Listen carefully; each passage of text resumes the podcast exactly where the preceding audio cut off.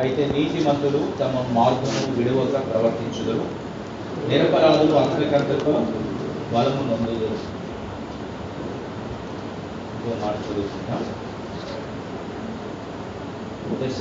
రాసిన మొదటి పత్రిక మూడవ అధ్యాయం.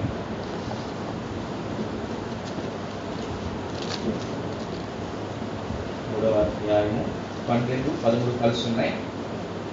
మనం కలిసి చదువుకుంటాం మరియు మన ప్రభు అయిన యేసు తన పరిశుద్ధులందరితో వచ్చినప్పుడు మన తండ్రి అయిన దేవుని ఎదుట మీ హృదయములను పరిశుద్ధత విషయమై అనింద్యమైనవిగా ఆయన స్థిరపరచుటకై మేము మీ ఎడల ఎలాగూ ప్రేమలో అభివృద్ధి పొంది వర్ధిల్చున్నాము అలాగే మీరు ఒకని ఎడల ఒకడును మనుషులందరి ఎడలను ప్రేమలో అభివృద్ధి పొంది వర్ధిల్లునట్లు ప్రభు దయచేయను గాక ఒకసారి ప్రార్థన చేస్తాం ప్రేమల తండ్రి యేసు ప్రభు నామమున మీ వందనములు. ఈ రాత్రి చదువుకున్న వాక్యమును మా కొరకు ఆశీర్వదించండి. మా ఆత్మీయ క్షేమము కొరకు ప్రభు మా కొరకు మీరు ఏది దాచి ఉంచారో సిద్ధపరిచారో దానిని మేము పొందినట్లుగా తండ్రి మీ దాసుని మరుగు చేసి వాడుకోమని దాన్ని నేను తగ్గించుకుంటూ మీ రక్త ప్రోక్షణ కింద తెచ్చుకుంటూ యేసు ప్రభు నామమున ప్రార్థించి వేడుకుంటున్నాము తండ్రి. ఆమేన్.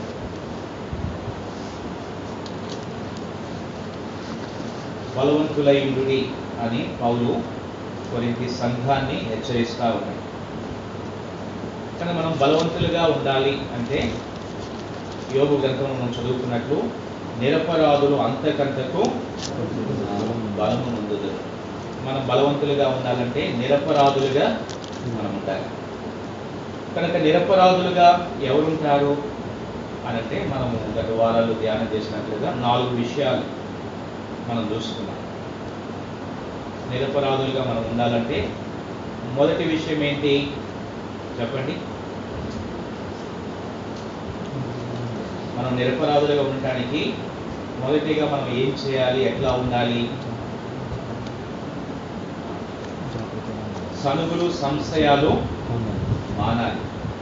నిరపరాధులుగా ఉండాలంటే సనుగులు సంశయములను మానాలి. తర్వాత రెండవది జాగ్రత్త కలిగి ఉండాలి అని మనం చూస్తున్నాం. మూడవది దేవునితో మనం సమాధానము కలిగి ఉండాలి. తర్వాత నాలుగవదిగా ఇప్పుడు మనం చదువుకున్నటువంటి తెస్సలోనికలికి రాస్తున్న మొదటి పత్రిక మూడు పదమూడులో నాలుగవదిగా మనం ఎప్పుడు నిరపరాధులుగా ఉండగలము అంటే ఇక్కడ పౌలు రాస్తా ఉన్నాడు. పదమూడవ వచనము చదువుతాను గమనించండి. మన తండ్రి అయిన దేవుని ఎదుట మీ హృదయములను పరిశుద్ధత విషయమై అనింద్యమైనవిగా ఆయన స్థిరపరచుటకై. అనింద్యమైనవిగా అంటే ఏ నిందలేనటువంటి హృదయాలుగా లేకపోతే ఏ అపరాధం లేనటువంటి హృదయాలుగా నిరపరాధులుగా ఆయన సిద్ధపరచడానికి సిద్ధపరచుటకై మేము మీ ఎడల ఎలాగూ ప్రేమలో వర్ధి అభివృద్ధి పొంది వర్ధిల్లుచున్నాము. అలాగే మీరును ఒకరి ఎడల ఒకడును మనుషులందరి ఎడలను ప్రేమలో అభివృద్ధి పొంది. కనుక మనము నిరపరాధులుగా ఉండాలంటే ఒకరి ఎడల ఒకరు ప్రేమలో ఎట్లా ఉండాలంట? అభివృద్ధి పొందాలి. అంటే ఒకరిని ఒకరు ప్రేమించాలి. ఇది దేవుని యొక్క ఆజ్ఞ అని పోయిన వారం మనం చూసుకున్నాం. కనుక ప్రధానమైనటువంటి ఆజ్ఞలలో మొదటిది ఏంటంటే నీ పూర్ణ హృదయముతో నీవు నీ దేవుడైన యహోవాను ప్రేమించాలి. కనుక మొదటి ఆజ్ఞ లేకపోతే ప్రధానమైనటువంటి ఆజ్ఞ అదేనమాట. రెండవ ఆజ్ఞ ఏంటంటే నిన్ను వలె నీ పొరుగు వారిని ప్రేమించు అనేది రెండవ ఆజ్ఞ. తర్వాత మూడవది ప్రభు ఇచ్చిన ఆజ్ఞ ఏంటంటే ఒకరిని ఒకరు ప్రేమించండి అది యోహాను సువార్త పదమూడవ అధ్యాయం చూడండి. యోహాను సువార్త పదమూడవ అధ్యాయము.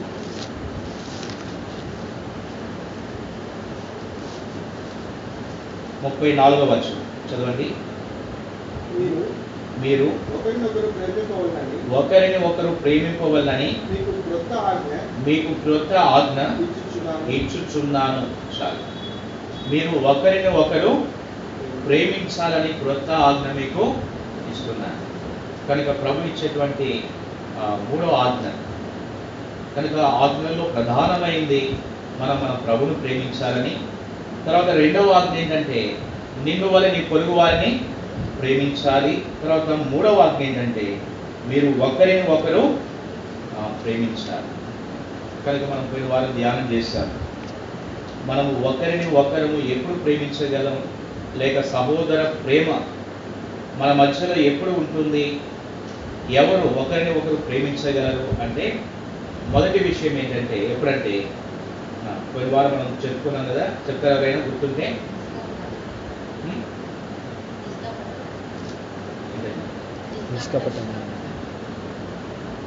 నిష్కపటమైన. మొదటిది. ఎవరు సహోదర ప్రేమ కలిగి ఉంటారు? అనే విషయాన్ని గురించి పోయిన వారం మనం మొదటిగా ఏం ధ్యానం చేసుకున్నామంటే చూడండి పేతురు రాసిన మొదటి పత్రిక మొదటి అధ్యాయం ఇరవై రెండవ వచ్చిన చూడండి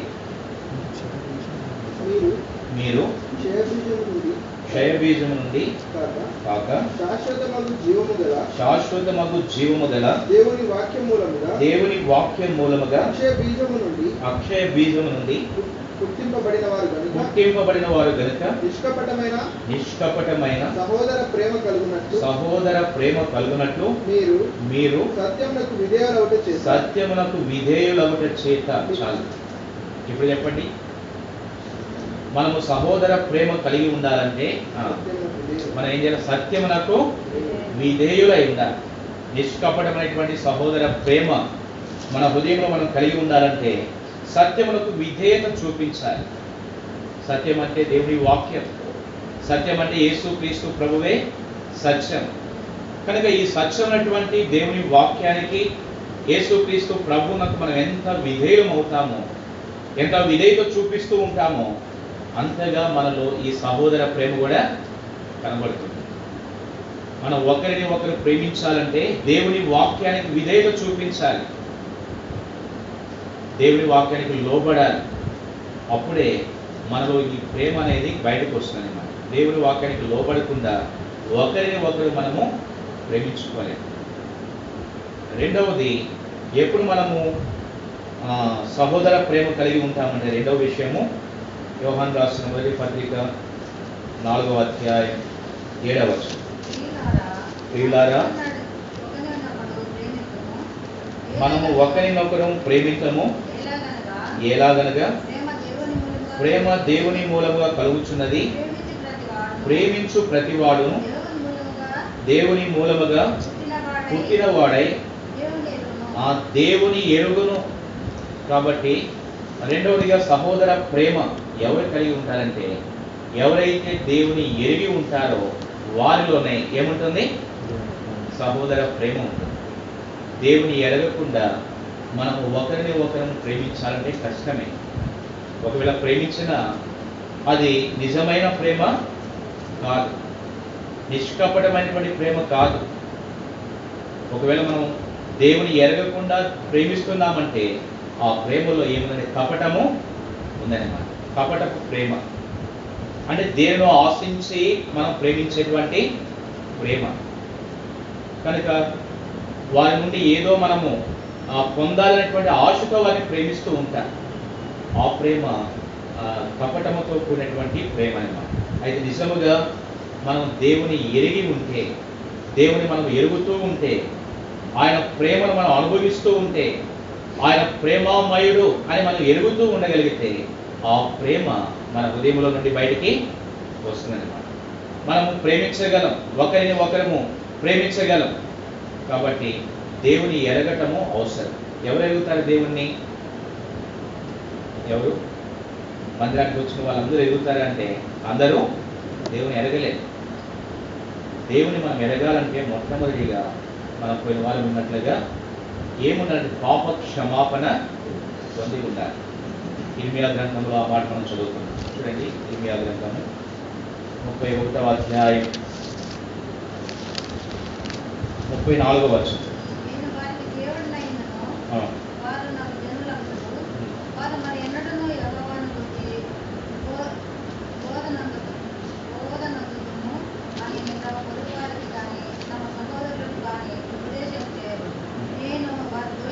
నేను వారి దోషములను క్షమించి వారి పాపములు పాపములను నీకు ఎన్నడూ జ్ఞాపకం చేసుకును కలను గనుక అల్పులనేమి ధనులనేమి అందరూ నన్ను ఎరుగుదురు. చాలు. ఆ, అల్పుల అల్పులేమి ధనులేమి అందరూ నన్ను ఎరుగుదురు. ఎప్పుడు ఎవరు ఎరుగుతారంటే నేను ఎవరి దోషాలు క్షమించాను నేను ఎవరి పాపములు క్షమించానో అలాంటి వారందరూ కూడా నన్ను ఎరుగుదురు. కనుక మనం దేవుని ఎరగాలంటే పాప క్షమాపణ పొంది ఉండాలి. పాప క్షమాపణ లేకుండా దేవుని ఎరగలేం. అందుకే ఏలి కుమారులు యహోవాను ఎరగని వారై మిక్కిలి దుర్మార్గులుగా ఉన్నారు. ఎందుకంటే వారికి పాప క్షమాపణ లేదు. కానీ దేవుని ఇంట్లో ఉన్నారు. దేవుని పరిచయం చేస్తూ ఉన్నారు. వారికి పాప క్షమాపణ అనుభవం లేదు. అందుకనే వారు దేవుని ఎరగలేదు అని చెప్పి మనము చదువుతున్నాం. ఆ చదవండి. మొదటి సమయాల గ్రంథం రెండవ అధ్యాయం.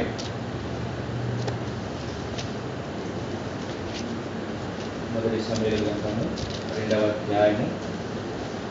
పన్నెండవ ఏలి కుమారులు ఏలీ ఎరగని వారై మిక్కిలి దుర్మార్గులై ఆ మిక్కిలి దుర్మార్గులై ఉండేది వారు ఎందుకు దుర్మార్గులుగా ఉన్నారంటే దేవుని ఎరగలేదు. ఎందుకు ఎరగలేదంటే మానసికముగా ఆ, దేవుణ్ణి అంటే మనసులో ఆ దేవుని గురించి తెలుసు. వాక్యం చదువుతున్నారు. వాక్యాన్ని బోధిస్తున్నారు. అయితే అనుభవపూర్వకముగా దేవుణ్ణి ఎరగలేకపోతున్నారు. అందుకనే వారిలో ఈ సహోదర ప్రేమ అనేది కనబడలేదు. వారి నిస్వార్థమైన జీవితం అనేది కనబడలేదు. వారిలో ఉండేటువంటి ప్రేమ అంతా కూడా ఎలాంటి ప్రేమ అంటే కపటపు ప్రేమ. అందుకని అక్కడికి ఆ, అర్పించడానికి వచ్చిన వారిని బలవంతం చేసి వారు ఏం చేస్తారు? వారికి కావాల్సిన భాగాన్ని వారు వారి దగ్గర నుంచి తీసుకుంటారనమాట అది ప్రేమ కాదు. కనుక మనము దేవుని ఎరగాలంటే మొదటిగా పాప క్షమాపణ పొంది ఉండాలి. రెండవది దేవుని ఎవరు ఎరుగుతారంటే హోషయ గ్రంథం రండి. హోషయ గ్రంథము ఆరవ అధ్యాయం మూడవ వచనం మీ సరిహద్దు యహోవాను గూర్చిన జ్ఞానము. సంపాదించుకుందాము రండి. యహోవాను గూర్చిన జ్ఞానము గూర్చిన సంపాదించుకున్నటకు ఆయనను అనుసరించుదము రండి. ఆయనను రండి చాలు. యహోవాను గూర్చిన జ్ఞానం సంపాదించుకోవడానికి లేకపోతే యహోవాను ఎరగటానికి మనం ఏం చేయాలంట? ఆయనను అనుసరించుదాము రండి. కనుక మనం దేవుని ఎరగాలంటే రెండవదిగా మనము ఆయన అనుసరించాలి. అంటే ఆయనకు వెంబడించాలి. దేవుని మనం వెంబడించినప్పుడు మాత్రమే దేవుని మనం ఎదుగుతాం దేవుని ఎవరు వెంబడిస్తారు? వెంబడించడం అంటే మందిరానికి రావడమేనా వెంబడించడం అంటే బైబిల్ చదవటమేనా? వెంబడించడం అంటే ఇంకా లేకపోతే దేవునికి కానుకలు ఇవ్వటమేనా? అదే కాదు వెంబడించడం అంటే అసలు వెంబడించటము అంటే ఏంటంటే దేవుని వెంబడించేటువంటి వ్యక్తి ఎట్లా ఉంటాడు అని అంటే రండి. యోహాన్ సువార్త ఎనిమిదవ అధ్యాయం పన్నెండవ చదవండి మరలా యేసు నేను లోకమునకు వెలుగును నన్ను వెంబడించువాడు చీకటిలో నడవక జీవపు వెలుగు కలిగి ఉండనని వారితో చెప్పాను. చాలు నన్ను వెంబడించేవాడు. వాడు ఎట్లా ఉంటాడంటే చీకటిలో నడవడు. కనుక ప్రభువును వెంబడించేవారు ప్రభువును అనుసరించేవారు వారు చీకటిలో నడవరండి వారు ఎక్కడ నడుస్తారంటే జీవపు వెలుగు కలిగి వారు ఉంటారు. ఇక్కడ చీకటి అనేది దేని జ్ఞాపకం చేస్తుందంటే పాపాన్ని జ్ఞాపకం చేస్తాము. కనుక ప్రభువును వెంబడించేటువంటి వ్యక్తి పాపములో నడవడు. పాపములో నిలువడు. ప్రభువును వెంబడించేటువంటి వ్యక్తి పాపము నుండి పారిపోయేవాడిగా ఉంటాడన్నమాట పాపానికి దూరముగా తను తొలగిపోతాడు. కనుక ఇక్కడ వెలుగు అనేది దేని జ్ఞాపకం చేసుకుంటే పరిశుద్ధతను జ్ఞాపకం చేస్తా ఉంది. వెలుగు సత్యమును జ్ఞాపకం చేస్తా ఉంది. నీతిని జ్ఞాపకం చేస్తా ఉంది. వెలుగు న్యాయమును జ్ఞాపకం చేస్తా ఉంది. కనుక ప్రభువును వెంబడించేటువంటి వ్యక్తి న్యాయములో నీతిలో పరిశుద్ధతలో తను నడిచేవాడిగా ఉంటాడు. కానీ పాపములో నడవు కనుక పాపములో నడిచేటువంటి వ్యక్తి ప్రభును వెంబడించలేడు. ప్రభును ఆ, వెంబడించకుండా మనం ప్రభుని ఎరగలేము. ప్రభుని ఎరగకుండా ఆ సహోదర ప్రేమ అనేది మనలోనికి రాదనేమాట మనం ఒకరిని ఒకరు ప్రేమించాలంటే దేవుని మనం ఎంత పరిమాణము ఎరుగుతూ ఉంటామో అంత పరిమాణములో మనం ఇతరుల ఎడల మన సహోదరుల ఎడల సహోదరుల ఎడల అలాంటి ప్రేమ మనం చూపిస్తాం.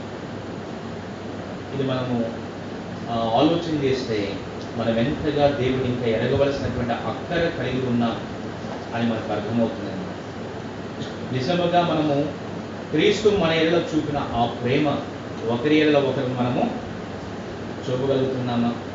ప్రభు అన్నాడు నేను మిమ్మును ప్రేమించినట్టే. మీరు ఒకరినొకరు ప్రేమించండి. ఒకరినొకరు ప్రేమించాలని ఎట్లా ప్రేమించాలంటే నేను మిమ్మల్ని ప్రేమించినట్లుగా ప్రేమించాలి. ప్రభు మనం ఎట్లా ప్రేమించాడు? ఎంత నిస్వార్థముగా ప్రేమించాడు. మన నుండి ఆయన దేన్ని ఆశించకుండా ఆయన మనం ప్రేమించాడు. సంపూర్ణంగా ప్రేమించాడు అనమాట అలాంటి ప్రేమ మనం కనపరచాలంటే మనం ఆయన్ని ఎరగాలి. ప్రభుని ఎరగాలంటే మనం చీకటిలో కానీ ఎక్కడ నడవాలి? జీవపు వెలుగు అనగా పరిశుద్ధతలో మనం నడవాలి నీతిలో నడవాలి న్యాయంలో మనం నడవాలి. తర్వాత మనం గమనించినట్లయితే ప్రభువును వెంబడించాలంటే చూడండి యోహాను సువార్త పదవ అధ్యాయం. యోహాను సువార్త పదవ అధ్యాయము ఇరవై ఏడవ చూడండి. నా గొర్రెలు నా స్వరము వినును. నేను వాటిని ఎరుగుదును. అవి నన్ను అవి నన్ను వెంబడించును. అవి నన్ను వెంబడించును. కనుక ఏ గొర్రెలు ఆయనని వెంబడిస్తామనే కాపరనంటే ఏ గొర్రె అయితే ఆయన స్వరాన్ని వింటుందో ఆ గొర్రె ఆయన వెంబడిస్తాడు కనుక ప్రభును మనం అనుసరించాలంటే ప్రభును వెంబడించాలంటే మనము ప్రభు యొక్క స్వరాన్ని మనం వినాలి. ప్రభు స్వరమును మనం వినకుండా ప్రభును మనం వెంబడించాలి నా గొర్రెలు నా స్వరము వినును చూడండి తర్వాత మనం గమనిస్తే అదే పదవ అధ్యాయం. నాలుగో వచనం చదవండి. మరియు అతడు తన సొంత గొర్రెలన్నింటినీ వెలుపలికి నడిపించిన. వెలుపలికి నడిపించినప్పుడెల్లా వాటికి ముందుగా నడుచును. గొర్రెలు అతని స్వరం అతని గనుక అవి అతని వెంబడించును. కనుక ఏ గొర్రె అయితే ఆయన స్వరమును వెరుగు ఎరుగుతుందో ఆ గొర్రె మాత్రమే ఆయనను వెంబడిస్తానమాట అన్యుల స్వరము అవి వినవు. మనం ప్రభువు యొక్క స్వరాన్ని మనం వినాలంటే మనం అన్యుల స్వరాన్ని మనం వినకూడదు. ప్రభు స్వరము మనకి ఎప్పుడు వినబడుతుంది? ఆయన స్వరం ఎలాంటి స్వరం అంటే? చూడండి. మొదటి రాజుల గ్రంథము. పంతొమ్మిదవ అధ్యాయం. మొదటి రాజుల గ్రంథం పంతొమ్మిదవ అధ్యాయము. పన్నెండవ వర్షం చదవండి. ఆ భూకంపమైన తరువాత ఆ భూకంపమైన తరువాత మెరుపు పుట్టెను గాని మెరుపు పుట్టెను గాని ఆ మెరుపునందు ఆ మెరుపు నందు యెహోవా ప్రత్యక్షము కాలేదు. యెహోవా ప్రత్యక్షము కాలేదు. మెరుపు ఆగిపోగా మెరుపు ఆగిపోగా మిక్కిలి నిమ్మలముగా మిక్కిలి నిమ్మలముగా మాటలాడు ఒక స్వరం మాటలాడు ఒక స్వరము వినబడేను. ప్రభు యొక్క స్వరం. ఎలాంటి స్వరం అంటే మిక్కిలి నిమ్మలముగా మాట్లాడేటువంటి స్వరం. చాలా మిక్కిలి నిమ్మలముగా మాట్లాడే స్వరం. ఆ స్వరాన్ని వినాలంటే మనం ఎంత నిశ్శబ్దముగా ఉండాలి. ఆ స్వరం వినాలంటే మన హృదయంలో ఏ అలజడి ఉండకూడదని అలజడితో నిండిపోయిందంటే మన హృదయంలో ఆ ప్రభు యొక్క స్వరాన్ని మనము వినలేము. మన హృదయాన్ని మనం ఎంతగా ప్రశాంతతతో మనం కాపాడుకుంటూ ఉంటాము. లేకపోతే సమాధానంతో మనం కాపాడుకుంటూ ఉంటాము. అప్పుడే దేవుని స్వరం అనేది మనకు వినబడుతుంది. మన హృదయంలో కలవరము అశాంతి అసమాధానము మన హృదయంలో నిండిపోయి ఉంటే ప్రభు యొక్క స్వరాన్ని మనము వినలేము. అందుకే ప్రభు స్వరం వినటానికి మనకు సున్నితమైనటువంటి చెవులు అవసరం. సున్నితమైనటువంటి హృదయం అవసరం.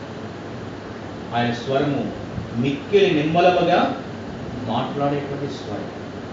మన హృదయంలో ఆ స్వరం వినబడుతుంది కనుక ఆ స్వరాన్ని మనం వినాలంటే మనము హృదయాన్ని చాలా భద్రంగా కాపాడుకోవాలి.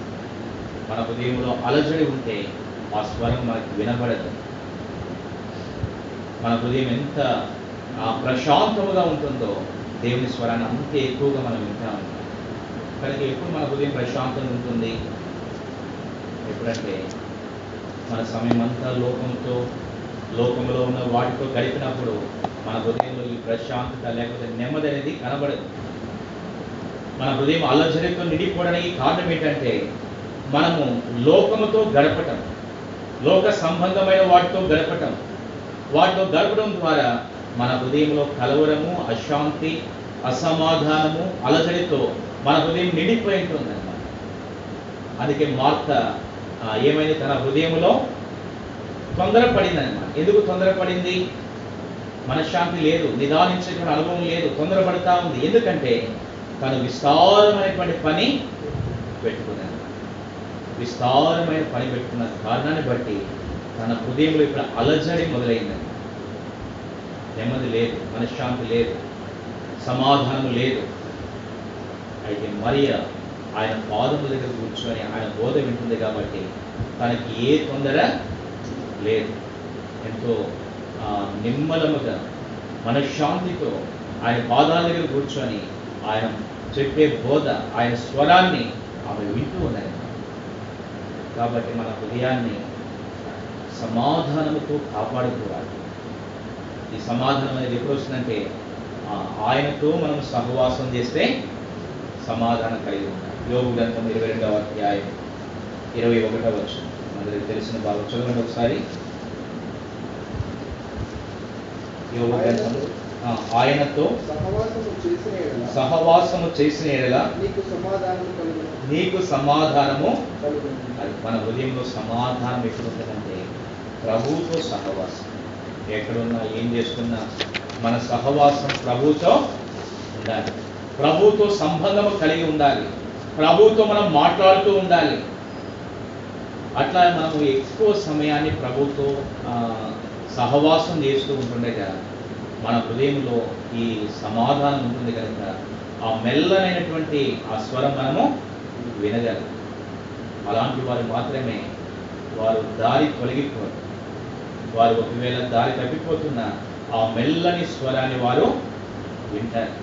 మిక్కిలి నిర్మలమైనటువంటి మెల్లని స్వరం ఆ వారి హృదయముల్లో నుండి వారికి వినబడుతుంది.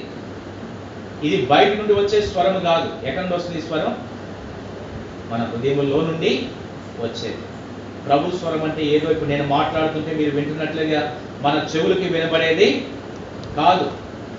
ప్రత్యక్షముగా ప్రభు ప్రత్యక్షమై ఆయన స్వరముతో మనం మన ఈ భౌతికమైన చెవులతో వినట్లుగా మాట్లాడేది కానీ ఆయన మన హృదయములో మిక్కిలి నిమ్మలమైనటువంటి స్వరము చేత మన హృదయములో ఆయన మాట్లాడగలం దాన్ని మనం వినాలి. ఆ స్వరం వింటేనే మనం ఆయన వెంబడించగలం. ఆయన వెళ్ళే మార్గంలో మనం నడవగలం. లేకపోతే ఆయన ఒక మార్గంలో పోతే మనం ఇంకో మార్గంలో వెళ్ళిపోతాం. మార్గం తప్పిపోతాం. ఆయన స్వరం వినకపోతే మార్గం తప్పిపోయినటువంటి విషయం కూడా మనకు అర్థం కాదు. ఆయన ఒక మార్గంలో పోతా ఉంటాడు. మనం ఇంకొక మార్గంలో వెళ్తుంది. ఉంటాం అందుకే ఆయన స్వరం వినాలి. మనం ఎప్పుడైతే ఆయన స్వరం వినడం నేర్చుకుంటామో అప్పుడు మనం మార్గము తొలగిపోతున్న దారి తొలగిపోతున్న అప్పుడు వెంటనే ఆయన స్వరం మనకు వినపడుతున్నది ఏమని? ఏమని వినపడుతుంది రెండేశ్వర గ్రంథం ముప్పై అధ్యాయము. విషయ గ్రంథము ముప్పై అధ్యాయం ఇరవై ఒకటవ వచనం చూడండి. మీరు కుడి తట్టైనను ఎడమ తట్టైనను తిరిగినను ఇదే త్రోవ దీనిలో నడువుడి అని నీ వెనుక నుండి ఒక శబ్దము నీ చెవులకు వినబడను. చాలు. మనం కుడి తట్టైనను ఎడమ తట్టని తిరుగుతూ ఉంటే అంటే దారి తొలగిపోతూ ఉంటే ఒక శబ్దం వినబడుతున్నది ఆ శబ్దము? ఇదే త్రోవ దేనిలో నడువు ఇదే మిక్కిలి మెల్లనేటువంటి స్వరం. ఈ స్వరాన్ని మనం వినాలంటే మన హృదయం అంతా అలజడితో కలవరముతో అసమాధానంతో నిండిపోయి ఉంటే మనకి వేరే స్వరాలు వినబడతాయి కానీ ఈ స్వరము వినబడదు. అందుకే మనము ప్రభు స్వరం వినకం నేర్చుకోవాలి. అన్యుల స్వరాన్ని ఆ, నా గొర్రెలో వినవు. అవి అన్యుల స్వరంలో వినవు. కనుక నిజముగా దేవుని ప్రజలముగా ఆయన స్వరం వినడం మనం నేర్చుకుంటే వేరే స్వరాలు మనకు వినబడతాయి వేరే స్వరం మనకు వినబడుతున్నప్పుడు మనకు అర్థమైపోతుంది. ఇది దేవుని స్వరము కాదు. ప్రతి దినము కూడా ఆదామములతో దేవుడు వచ్చి మాట్లాడుతూ ఉండేవాడు. సహవాసం చేస్తూ ఉండేవాడు. ప్రతిరోజు వచ్చి వారిని పిలిచేవాడు. వారు పరిగెత్తుకొని ప్రభు దగ్గరికి వచ్చేవారు. వారు ప్రతి దినము కూడా ఎవరి స్వరం వింటున్నారు? ప్రభు యొక్క స్వరం వింటున్నారు దేవుని స్వరం వింటున్నారు. అయితే ఉన్నట్టుండి ఒక దినాన అకస్మాత్తుగా ఇంకొక క్రొత్త స్వరము ఎవరు కనపడింది? అవ్వ కనపడింది. ఎవరి స్వరం అది? సర్పము యొక్క స్వరం. అంతకుముందు ఎప్పుడు కూడా ఆ స్వరం వినలేదు. దేవుని స్వరం వినేటువంటి వారు. ఉన్నట్టుండి సర్పం వచ్చి ఇది నిజమా? అనేసరికి ఆ స్వరం విన్నప్పుడు కానీ ఏమనుకోవాలి? అని ఇది దేవుని స్వరము కాదు. ఈ స్వరం వేరే స్వరం. కనుక ఇది దేవుని స్వరము కాదు. ఈ స్వరం నేను వినాల్సిన అవసరము లేదు అని అనుకోవాల్సింది అయితే ఆ స్వరానికి తను ఏం చేసింది? చెవినిచ్చింది. ఆ స్వరం వినింది. ఆ స్వరం విన్నప్పుడు ఇది నిజమా? ఏ పండైనా తినొద్దని చెప్పాడా దేవుడు అంటే అవును పలానా పండు తింటే చచ్చిపోతానని చెప్పాడంటే మీరు చావనే? అంటే దేవుని స్వరానికి వ్యతిరేకమైనటువంటి స్వరం ఇప్పుడు వినపడతా ఉన్నది. దేవుడు ఏం చెప్పాడంటే మీరు ఆ పండు తినకూడదు అని చెప్పాడు. అయితే ఇప్పుడు ఆ ఇంకొక స్వరం ఆ దేవుని స్వరానికి వ్యతిరేకముగా అప్పుడు ఏం చేయాలి? అరే ఈ స్వరం ఏంటో? దేవుడు చెప్పిన దానికి వ్యతిరేకంగా ఉందని చెప్పేసి దాని నుండి ఆమె పారిపోవాలి. ఆ స్వరం వినకుండా ఉండాలి. అయితే అవ్వ ఆ రీతిగా చేయలేదండి. నిజంగా దేవుని స్వరం మనం వింటున్నప్పుడు దేవుని వాక్యము వాక్యానుసారంగా నడవాలని దేవుని స్వరం మనతో మాట్లాడుతుంటుండగా సాతానుడు కూడా ఏం చేస్తాడు? తన స్వరాన్ని వినిపింపజేస్తాడు ఒక ప్రకారం దేవుని స్వరం మనం వింటూ ఉంటాం. మనలో పరిశుద్ధ కలిగి జీవించే కొలది దేవునితో సహవాసం చేసే కొలది ఆయనను వెంబడిస్తూ ఉంటుండగా ఆయన స్వరాలు మనం వింటూ ఉంటాం. అదే సమయంలో సాతానుడు కూడా తన స్వరం వినిపిస్తాడు. అవ్వతో మాట్లాడినట్లేదు ఇది చేస్తే ఏం తప్పు కాదులే ఇది చేస్తే ఏం పొరపాటు కాదులే ఇన్ని చేస్తావు కదా ఇది ఒక్కటే ఇట్లా చేస్తే ఏం కాదులే. దేవుడు తెలియదా? దేవుడు చూసుకోడా? దేవుడు క్షమించడా? అని ఇలాంటి స్వరాలు కూడా మనకేం చేస్తాయి? వినబడుతూ ఉంటాయి. అదే సాతాను యొక్క స్వరం. దేవుని వాక్యానికి వ్యతిరేకంగా ఏ స్వరం మనకు వినబడినా ఆ స్వరములకు మనం చెవి ఒగ్గకూడదు దేవుని వాక్యానికి వ్యతిరేకముగా వాక్యానుసారంగా లేకుండా ఏ స్వరం మనకు వినబడుతున్నా దాన్ని మనం వినకూడదు. ఒకవేళ వింటే చాలా నష్టపోతాం అలాంటి సమయంలో మనము దారి తొలగిపోతున్నప్పుడు నీవు కుడికి కానీ ఎడమకు కానీ తొలగినప్పుడు ఇదే త్రోవ. దీనిలో నడువుము అనేటువంటి ఒక స్వరము నీకు వినపడుతుంది ఆ మెల్లనైనటువంటి స్వరం ఆ వినపడుతున్నప్పుడు మనము ఆ స్వరానికి లోపడాలి ఆ స్వరానికి విధేయత చూపించాలి. ఆ తొలగిపోయిన ఆ దారి నుంచి మరలా మరలి సరైన దారిలోనికి మనము రావాలి. కనుక ఆ రీతిగా ఎవరైతే ఆయన స్వరం వింటూ ఉంటారో వారే ఆయన వెంబడించడానికి సాధ్యమవుతుంది. ఆయన స్వరానికి లోపడకపోయినా ఆయన స్వరానికి విధేయత చూపించకుండా ఆయన స్వరం అసలు వినబడకుండానే మనం చేసుకున్నామంటే మనం దారి తొలగిపోతాం. ఆయన వెంబడించలేం. ఆయన వెంబడించకపోతే ఆయన ఎవరో కూడా మనము ఎరగలేం అందుకే నా గొర్రెలు నా స్వరం వింటాయి కనుక అవి నన్ను ఎరుగుతాయి నా స్వరం వినేటువంటి వారే నన్ను ఎరిగేవారు కనుక ప్రభు స్వరం వింటున్నావా? సహోదరుడ సహోదరి ప్రతి దినము దేవుని స్వరము వినాలనే ఆశ నీకుందా? ప్రతిదినం మౌన ధ్యానంలో కొంత సమయం ప్రభు స్వరం వినడానికి కనిపెడుతున్నావా? అందుకని మన సహవాసం మనకు నేర్పించబడింది ఏంటంటే ఉదయకాలం లేచిన వెంటనే ఎవరు లేవక ముందే ఆ, మనం లేచి ప్రభు సన్నిధిలో కూర్చుని ఆయన స్వరాన్ని మౌన ధ్యానం. ఇది మనకు నేర్పించబడి నేర్పించారన్నమాట మన పెద్దలు. ప్రతిదినం ఏ స్వరం వినబడక ముందే మనం ప్రభు సన్నిధికి వచ్చి ప్రభు స్వరం వినాలి.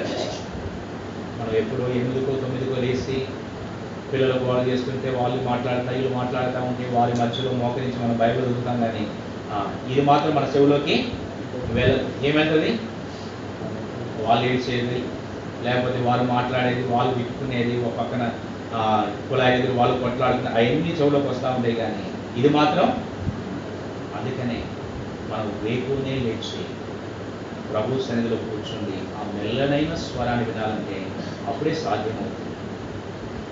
తర్వాత కనిపెట్టాలి ఆయన సన్నిధిలో. కనిపెడుతూ ఉంటుండగా ఆయన స్వరం ఆ మెల్లనైన స్వరంతో ప్రభు మనతో మాట్లాడుతుంటుంది అప్పుడు మన హృదయం ఎంత అప్పుడు మనం బలపరచగలుగుతాం.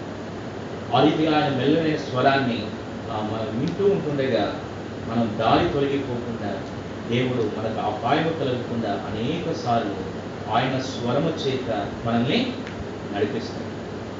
నా అనుభవంలో నేను చాలాసార్లు నేను ఎరుగుతున్నాను ప్రభు ఎన్నోసార్లు ఆయన మెల్లనైన స్వరాన్ని వినిపించుతాను అంటే నా చెవులకు కాదు నా హృదయంలో ప్రభువు వినిపింపచేయదు నేను విన్నాను. ఎన్నోసార్లు భయంకర ప్రమాదాలు కూడా ప్రభు తప్పించారు. ఒకసారి బైక్లో పోతాను. నేను ఇంకో సేవకుడు ఇద్దరు కలిసి. ఆ బైక్ ఆ సేవకుంది. ఆయన డ్రైవ్ చేస్తా ఉన్నాడు ఇద్దరు వెళ్తా ఉన్నాం. కొంత దూరం వెళ్ళిన తర్వాత లోపల ఒక స్వరం వస్తారు ఏంటి ఆ స్వరం అంటే బైక్ ఆపమని చెప్పు దిగు దిగు బైక్ దిగు బైక్ దిగుదే. ఏంటబ్బా? బైక్ ఏమో అయిందే నేను ఆయన ఆపమని ఎట్లా చెప్పాలా? సరే ఆ లోపల దాన్ని వినపడతా ఉంది. నేనైనా బలవంతంగా అట్లా వెళ్తా ఉన్నా. ఇంకా ముందుకు వెళ్తా ఉంటే ఆ స్వరం లోపల ఇంకా ఎక్కువైపోతా ఉంది. చాలా బలవంతంగా ఆ స్వరం నాకు వినబడతా ఉంది. దిగు దిగు దిగు అని నేను చెప్పాను. అన్న ఒకసారి ఆపన్నా సరే ఆయన ఏం చేశానంటే పక్కకి తీసుకొని పోయి రోడ్ పక్కకి తీసుకెళ్ళి ఆపాడు.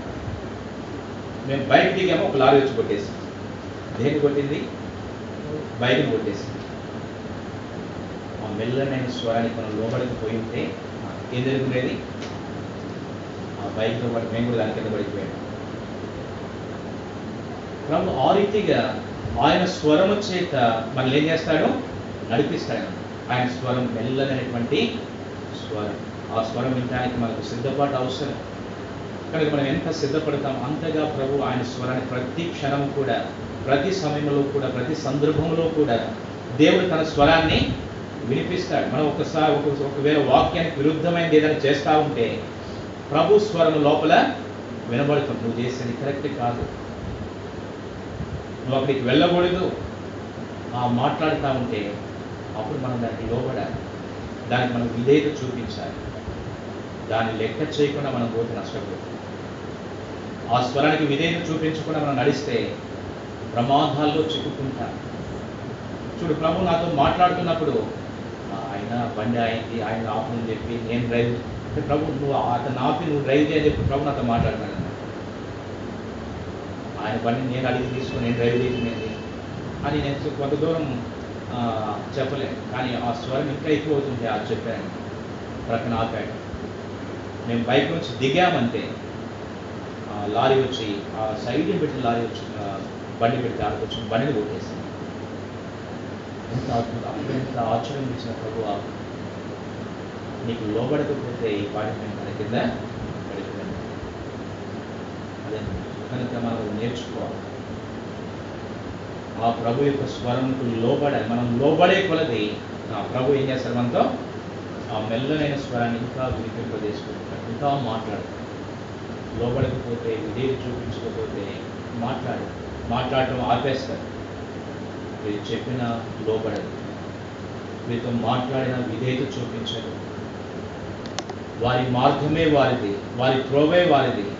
నువ్వు వెళ్ళే త్రోవ మంచిది కాదు. నువ్వు నడిచే త్రోవ మంచిది కాదు.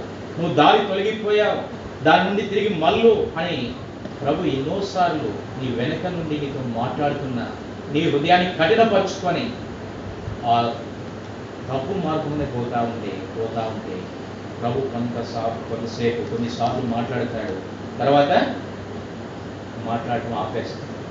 దాని స్వరం వినబడ వినబడదు. అప్పుడు మనం చాలా నష్టపోతాం. ప్రభుని ఎరగలేం. కాబట్టి ప్రభువు మనం ఎరగాలంటే మనం ఆయన స్వరం వినటం నేర్చుకోవాలి ఆయన స్వరము కలవరముతో ఉంటే మనకి వినబడదు కానీ ఆయన స్వరము మిక్కిలి నిమ్మలమైనటువంటి స్వరం కనుక ఏలియాకు ఎప్పుడు ఆయన స్వరం వినపడిందంటే మరొకసారి చదవండి మొదటి రాజులు పంతొమ్మిదవ అధ్యాయం పన్నెండవ వచనం. భూకంపమైన తర్వాత ఆ భూకంపమైన తర్వాత మెరుపు పుట్టిన గాని ఆ మెరుపునందు ఆ మెరుపునందు ప్రత్యక్షము కాలేదు. ప్రత్యక్షము కాలేదు మెరుపు ఆగిపోగా మెరుపు ఆగిపోగా మిక్కిలి నిమ్మలంగా మాట్లాడు మిక్కిలి నిమ్మలముగా మాట్లాడు ఒక స్వరము వినపడేది దేవుని స్వరం వినబడింది ఎట్లా వినబడిందంటే అది మిక్కిలి నిమ్మలమే. నిమ్మలమే కాదు మిక్కిలి చాలా నిమ్మలముగా ఆయన స్వరం వినబడుతుంది. దానికి మనం ఆ, వినేటువంటి చెవులు మనం కలిగి ఉండాలి. మన హృదయాన్ని సిద్ధపరచుకోవాలి. మన హృదయాన్ని కాపాడుకోవాలి. అందుకే అన్నాడు సామెతల గ్రంథం. అన్నిటికంటే ముఖ్యముగా నీ హృదయంలో భద్రముగా కాపాడుకున్నాం మన హృదయాన్ని ఎంత భద్రంగా కాపాడుకుంటామో అంతగా దేవుని స్వరాన్ని మనము వినగలుగుతాం. లేక మన హృదయంలో అంత నిండిపోయి ఉంటే అసమాధానము కలవరము ఇవంతా అపవిత్రత ఇదంతా నింపుకుంటే ఆ స్వరాన్ని మనము వినలేము. కాబట్టి అవ్వ కూడా అన్యుని స్వరం అంటే దేవుని స్వరం కాకుండా వేరే స్వరం వస్తున్నప్పుడు ఆ స్వరం వెళ్ళిందని మరి దేవుని దేవుని జీవితానికి వ్యతిరేకం ఉందే ఆయన అప్పుడు వెళ్ళిపోవాల్సింది వాణిచ్చి దానికి చెవి యొక్కి ఆ మాటకు లోబడింది కనుక మనం ఎప్పుడైనా సరే దేవుని వాక్యానికి విరుద్ధముగా ఏది ఎవరు మాట్లాడినా ఎక్కడి నుండి స్వరం వినబడుతున్నా వాక్యానికి విరుద్ధంగా ఉంటే దానికి మనం చెవి ఒగ్గుదు దానికి మనం లోబడదు. అలాంటి గ్రహింపు మనం కలిగి ఉండాలంటే దేవుని స్వరం వినటము నేర్చుకోవాలి. అప్పుడే మనం వెంబడిస్తాం ప్రభు. ఒకటి ప్రభులు వెంబడించాలంటే మనం చీకట్లో నడవ ఎక్కడ ఎక్కడ నడవాలి? జీవపు వెలుగులో నడిచినప్పుడే మనం ఆయన వెంబడించగలం. రెండవది ఆయన స్వరము విన్నప్పుడు మనం ఆయనను వెంబడించగలం మూడవది ఎప్పుడు మనం ఆయన వెంబడిస్తాం? రండి. లూకాసు వార్త పద్నాలుగో అధ్యాయం. ప్రభువును మనం వెంబడించాలంటే ఎక్కువ సాక్ష్యం అవుతుంది లూకాసు వార్త పద్నాలుగో అధ్యాయము ఇరవై ఏడవ మరియు ఎవడైనను తన తన సిలువను మోసుకొని నన్ను వెంబడింపని ఎడల. వాడు నా శిష్యుడు కాని. వాడు కానేరు కాబట్టి ప్రభువును వెంబడించాలంటే ఆయన వెంబడించేటువంటి వ్యక్తి ఏం చేయాలంటే సిలువను మొయ్యాలంట. మత్తయి సువార్తలో మనం చదువుతాం. చూడండి పదహారవ అధ్యాయం ఎవరు సిలువను మోస్తారు? అంటే మతయ్య రాష్ట్రం చూడండి మత్తయి సువార్త పదహారవ అధ్యాయము. ఇరవై నాలుగో వచనం. అప్పుడు యేసు తన శిష్యులను చూసి నన్ను ఎవడైనను నన్ను వెంబడింపబోయిన ఎడల తన్ను తాను ఉపేక్షించుకొని తన సిలువనెత్తుకొని నన్ను వెంబడింపవలను. కనుక ప్రభును వెంబడించేటువంటి వారు సిలువను ఎత్తుకోవాలి. సిలువను ఎవరు ఎత్తుకుంటారంటే తన్ను తాను ఉపేక్షించుకునేటువంటి వాడు ఉపేక్షించుకొనుట అంటే తన కోరికల కోరికలను త్యాజించడం అనమాట తన హృదయంలో పుట్టేటువంటి కోరికలు వాటిని త్యాజించి విడిచిపెట్టి తను తాను ఉపేక్షించుకొని తన సొంత ఇష్టానికి తను సెలవు వేయబడి తను తాను తృణీకరించుకొని ఏ వ్యక్తి అయితే ఆ, వస్తాడో ఆ వ్యక్తి మాత్రమే ఆ సెలవును మోయగలరు. మనల్ని మనం ఉపేక్షించుకోకుండా సిలువను మోయాలంటే కష్టం. సిలువ అంటే ఏంటి సిలువ అంటే శ్రమలు అవమానము నిందలు. ఇవన్నీ కూడా ఆ సెలవు జ్ఞాపకం చేస్తున్నాం కనుక మనల్ని మనం ఉపేక్షించుకున్నప్పుడు మాత్రమే మనం వాటిని మోయటానికి సాధ్యమవుతుంది. ఆ సెలవును ఎత్తుకుంటేనే ప్రభువును వెంబడించగా. సెలవును కింద పడేసి ప్రభువును వెంబడించాలంటే కుదరదు. ప్రభు కొరకు శ్రమలు అనుభవించాలి. ప్రభు నిమిత్తమై వచ్చేటువంటి పోరాటాలు ప్రభు నిమిత్తమై వచ్చే ఎదురయ్యేటువంటి అవమానములు ప్రభు నిమిత్తమై మనకు వచ్చేటువంటి ప్రతి పరిస్థితి కూడా అనుభవించాలని మనం సిద్ధపడి ఉండాలి. అందుకే మన సొంత ఇష్టాలను మనం త్యాజించాలి. అప్పుడు మాత్రమే అది సాధ్యమవుతుంది. కనుక మనం ఎప్పుడైతే సులువులు ఎత్తుకుంటామో అప్పుడు ప్రభువు వెంబడించు. ప్రభు అంటాడు లేకపోతే వాడు నా పాత్రుడు నాకు పాత్రుడు కానేనడు కాబట్టి సులువులు ఎత్తుకున్న వాడే నాకు పాత్రుడు. సులువును మోసే వాడే నన్ను వెంబడించగలడు. కనుక సులువు అనేది మనకు శ్రమలను జ్ఞాపకం చేస్తూ ఉన్నాయి. ఈ శ్రమలు ఎందుకు ప్రభు సెలవును ఎత్తుకోవాలన్నాడు? అంటే ఎందుకు శ్రమలో ఆ, శ్రమలు గుండా పోవాలి? ప్రభుని వెంబడించేటువంటి వ్యక్తి ఎందుకు శ్రమలు అనుభవించాలి అంటే ఆ శ్రమలే మనల్ని మహిమ కొరకు సిద్ధపరుస్తాయి. ఆయన వెళ్ళే మార్గమే ఆ మార్గం అన్నమాట. శ్రమల మార్గం. ప్రభు వెళ్ళే మార్గం శ్రమల మార్గం కనుక ఆ మార్గం మనం పోవాలంటే ఆ శ్రమలను అనుభవిస్తూనే పోవాలి. ఆ శ్రమలు గుండా మనం వెళ్తున్నప్పుడు ఆ శ్రమలు ఏం చేస్తాయంటే మనల్ని? ఏం చేస్తాయి? దీనులుగా చేస్తాయి శ్రమలు. చూడండి. రెండవది వృత్తాంతములు ముప్పై మూడవ అధ్యాయం పన్నెండవ వచనం.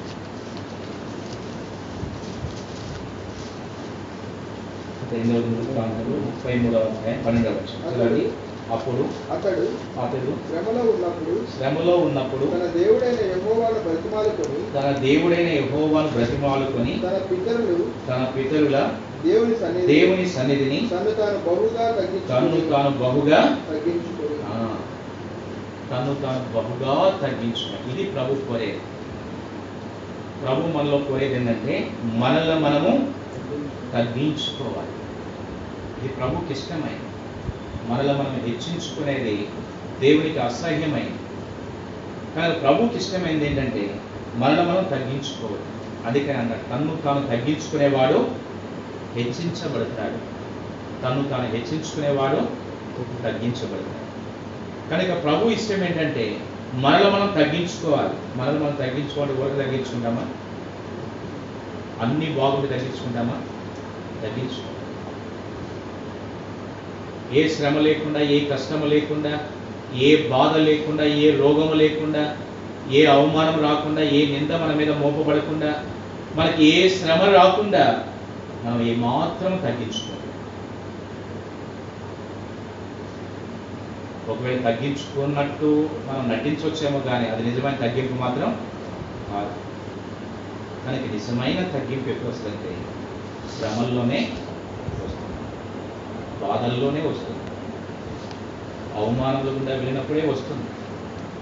అందుకని ఇక్కడ ఈ రాజు కూడా తను తాను ఎప్పుడు తగ్గించుకున్నాడంటే అతడు శ్రమలో ఉన్నప్పుడు శ్రమలో ఉన్నప్పుడు. ఆ శ్రమ వచ్చినప్పుడే తన్ను తాను తగ్గించుకోగలిగాడు దావీదే బాల్యం నుండే ప్రభు నందు భయభక్తులు కలిగినటువంటి వ్యక్తే దీనుడు అవడానికి ఊరినే కాలేదు బాల్యం నుండి తను దైవ భక్తులు పెరిగాడనమాట బాలుడుగా ఉన్నప్పుడే దేవుని యొక్క శక్తి చేత దేవుని మీద విశ్వాసం చేత సింహాన్ని ఎలుగుబంటిని ఏం చేశాడు? చంపేశాడు. అలాంటి వ్యక్తి అలాంటి వ్యక్తినే దేవుడు ఎన్నో శ్రమల గుండా తీసుకెళ్ళి ఏం చేశాడు? దీనునిగా చేశాడు. అందుకే అంటాడు దావి రెండు చదవండి. కీర్తనలు.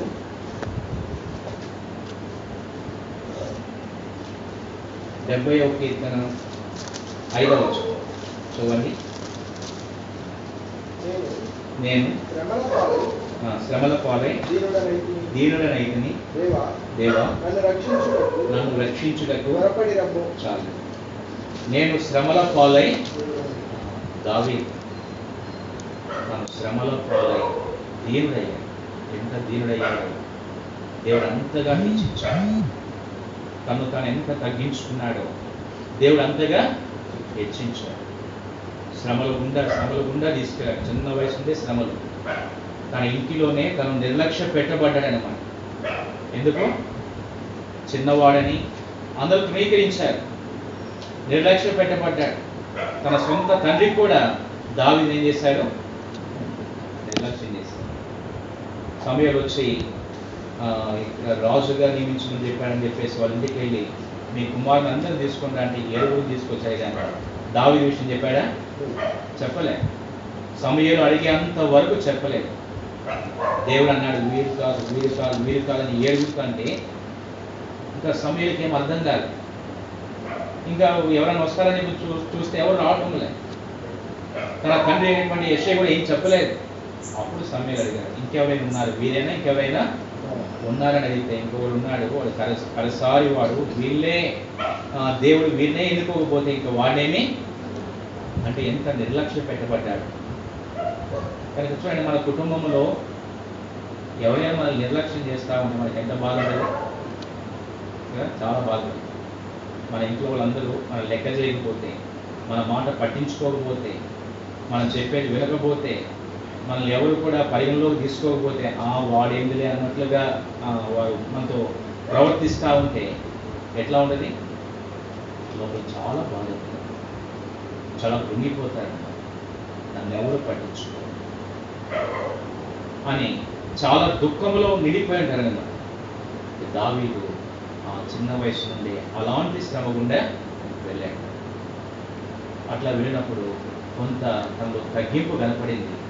దేవుడు తనను కోరుకున్నాడు రాజుగా ఉంటాడు దావీదుని ఏర్పాటు చేసుకున్నాడు. తర్వాత వెంటనే రాజుగా చేయలేదు. అభిషేకించిన వెంటనే రాజుగా చేసేస్తున్నాడా? లేదు. ఎందుకంటే ఇంకా దావీదులో నలగొట్టబడవలసినవి ఇంకా చాలా ఉన్నాయి.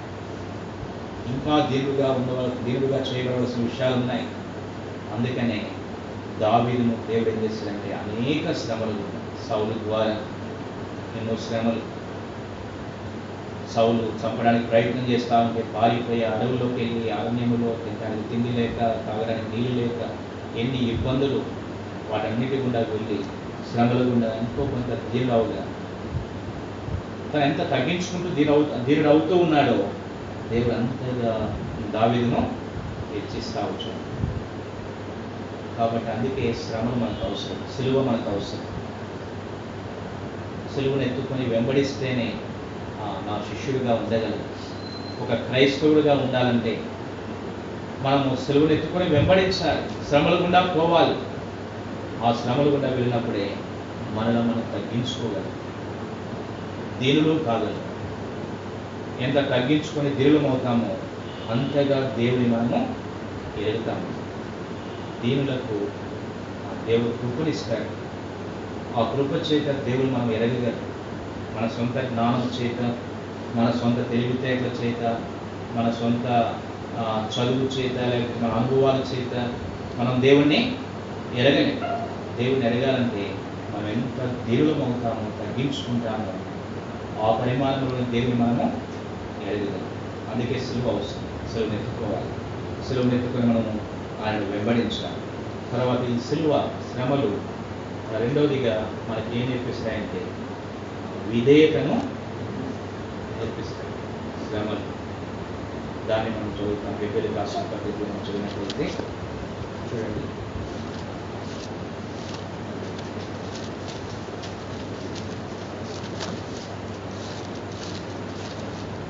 ఐదవ అధ్యాయం ఎనిమిదవ ఆయన కుమారుడై ఉండి తాను పొందిన శ్రమల వలన విధేయతను నేర్చుకున్నాడు. తాను పొందిన శ్రమల వలన విధేయత. విధేయత ఉందా? అంటే మనం విధేయం అవుతున్నామా? విధేయత చూపించే మనసు ఉందా? దేవుని వాక్యానికి దేవుని కార్యాల కొరకు మన విధేయత చూపిస్తున్నామా అంటే ఎందుకు ఇవ్వటం లేదు? ఎందుకు విధేయం కావటం లేదు? ఎందుకు మాట వినటం లేదు? దానికి కారణం ఏంటంటే మనకు శ్రమలు లేవు కాబట్టి. శ్రమలు గుండా పోలేదు కాబట్టి. నిజంగా శ్రమలు గుండా వెళ్ళినటువంటి వ్యక్తి ఎంత విధేయుడిగా ఉంటాడు?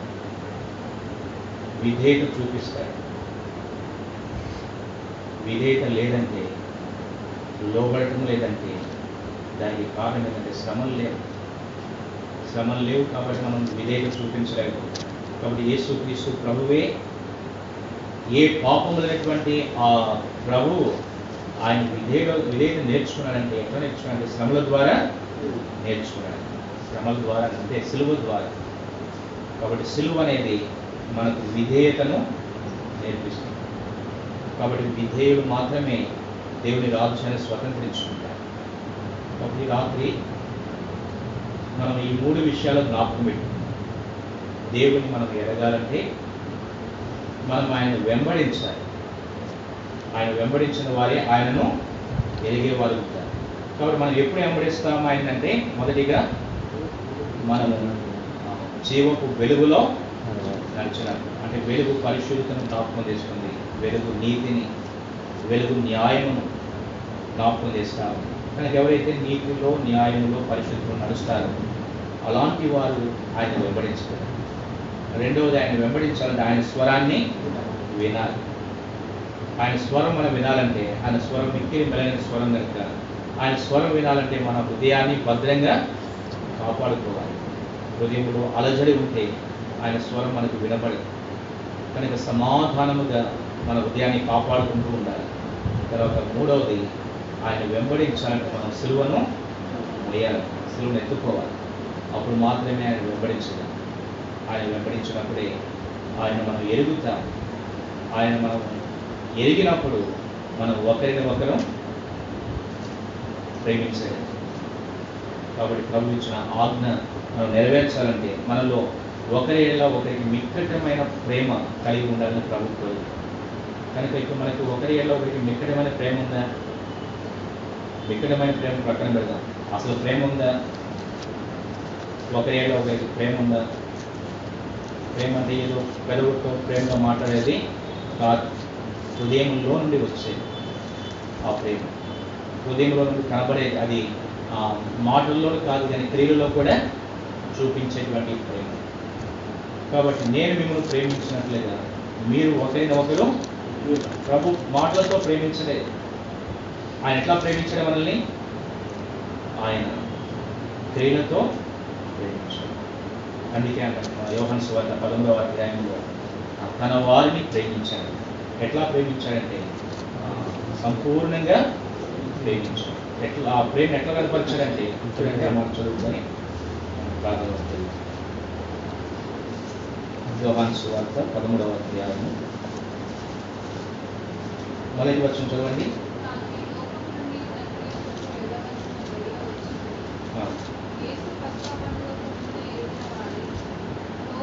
లోకములోనున్న తన వారిని ప్రేమించి వారిని అంతము వరకు ప్రేమించాడు.